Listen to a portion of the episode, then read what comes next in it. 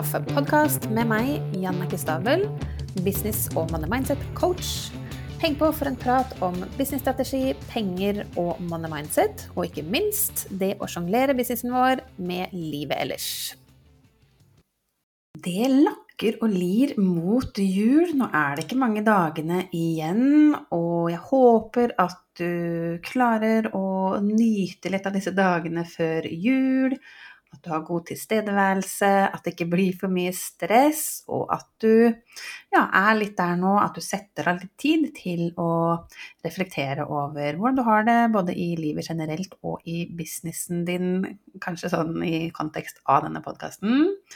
Og det ligger litt i kortene her, for i denne episoden så har jeg lyst til å minne deg på å ta litt tempen på året som har gått. Så litt sånn rett på for å starte der. Hvilke tre, fire, fem sterkeste følelser sitter du igjen med fra businessen din i 2023? Og bare hva er det som umiddelbart kommer til deg?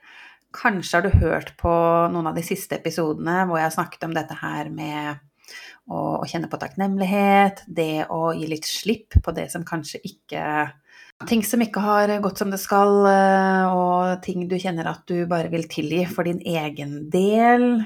Og eh, også i, i går, der eh, jeg ba deg om å begynne å være litt oppmerksom på hvordan er det, hva er det du tenker og sier for deg selv. Hvis du ikke har hørt på de enda, så gå og få med deg de, for da antar jeg nå som du begynner å, å tenke litt, at du vil kjenne på noen følelser. Så noter ned de, for det første. Og om du vil begynne å tenke på det nå eller ei, men på et tidspunkt da, før du igjen begynner å gå inn i det nye året, hvor kommer disse følelsene fra? Hva er det som trigger disse følelsene? Er de gode? Er de dårlige? Har noe av dette her med økonomien i businessen din å gjøre? Har ting gått kjempebra, og du er kjempegira, eller er du ikke helt der hvor du skulle ønske at du var på det tidspunktet du Altså her, mot slutten av året? Så litt sånn hvordan, hvordan ble omsetningen i år? Hvordan ble et eventuelt overskudd, eller har det blitt et underskudd? Det kan jo skje. Har du tatt ut lønn? Har du da tatt ut nok lønn? Er du fornøyd? Står det til forventningene eller planene du hadde? Og, litt sånn som jeg sa i episoden i går, i dette her med å være bevisst på hva du tenker og sier til deg selv. Observer deg selv, og, og, og gjør det med nysgjerrighet. Ikke kom fra et negativt sted. Ikke snakk deg selv ned. Nå kan det være et fint tidspunkt å, å, kjenne etter hva er det du sier og forteller eh, deg selv akkurat nå. Kanskje det kan eh, komme ned på lista over eh, negativt eller litt, ja, selvsnakk som ikke er så positivt orientert. For um, it's all good. Det handler bare om å reflektere. Du har alle muligheter til å endre på noe av dette her i året som kommer, så det er så viktig bare å stoppe opp nå og, og kjenne litt på det. Tørre å være litt ærlig. Og, og, ikke la deg vippe av pinnen eller eh, bli satt ut. Fordi hvis du, hvis du, sitter nå og hører på dette her og gjør den jobben, begynner å bare Ja, jeg kjenner på at eh, jeg er frustrert eller oppgitt eller eh, lei eller et eller annet ikke har gått som det skal ja, men det er jo veldig fint at du sitter her nå og er bevisst på det, og kan, om du gjør det nå eller rommer deg over på nyåret, reflekterer over men hvorfor, hva er det som ligger under og bak disse følelsene? Er det en lansering som ikke har gått som det skal, har du ikke den omsetningen eller det overskuddet eller tatt ut den lønna som du håpa på, som du planla for, så er det veldig fint å, å tenke litt over det nå. For veldig ofte så går man bare på og tar seg ikke denne tiden til å nettopp reflektere, og da er det veldig stor sannsynlighet at man går hva skal jeg si, i den samme fella, og om ikke fella går i det samme sporet. Hvis man ikke stopper opp og gjør noen endringer, så vil man sant, samme input inn, samme um, resultat ut.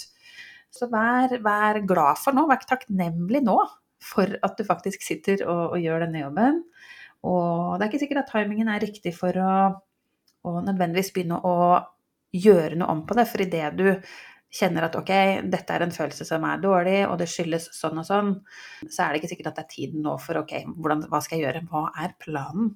Men det kommer en planleggingsworkshop på nyåret.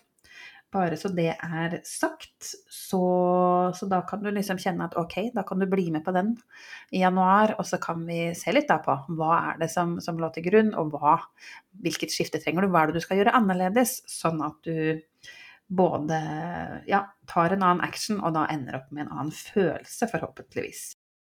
Så det er egentlig litt sånn tiden for det nå. Bruk litt tid disse dagene. Virkelig.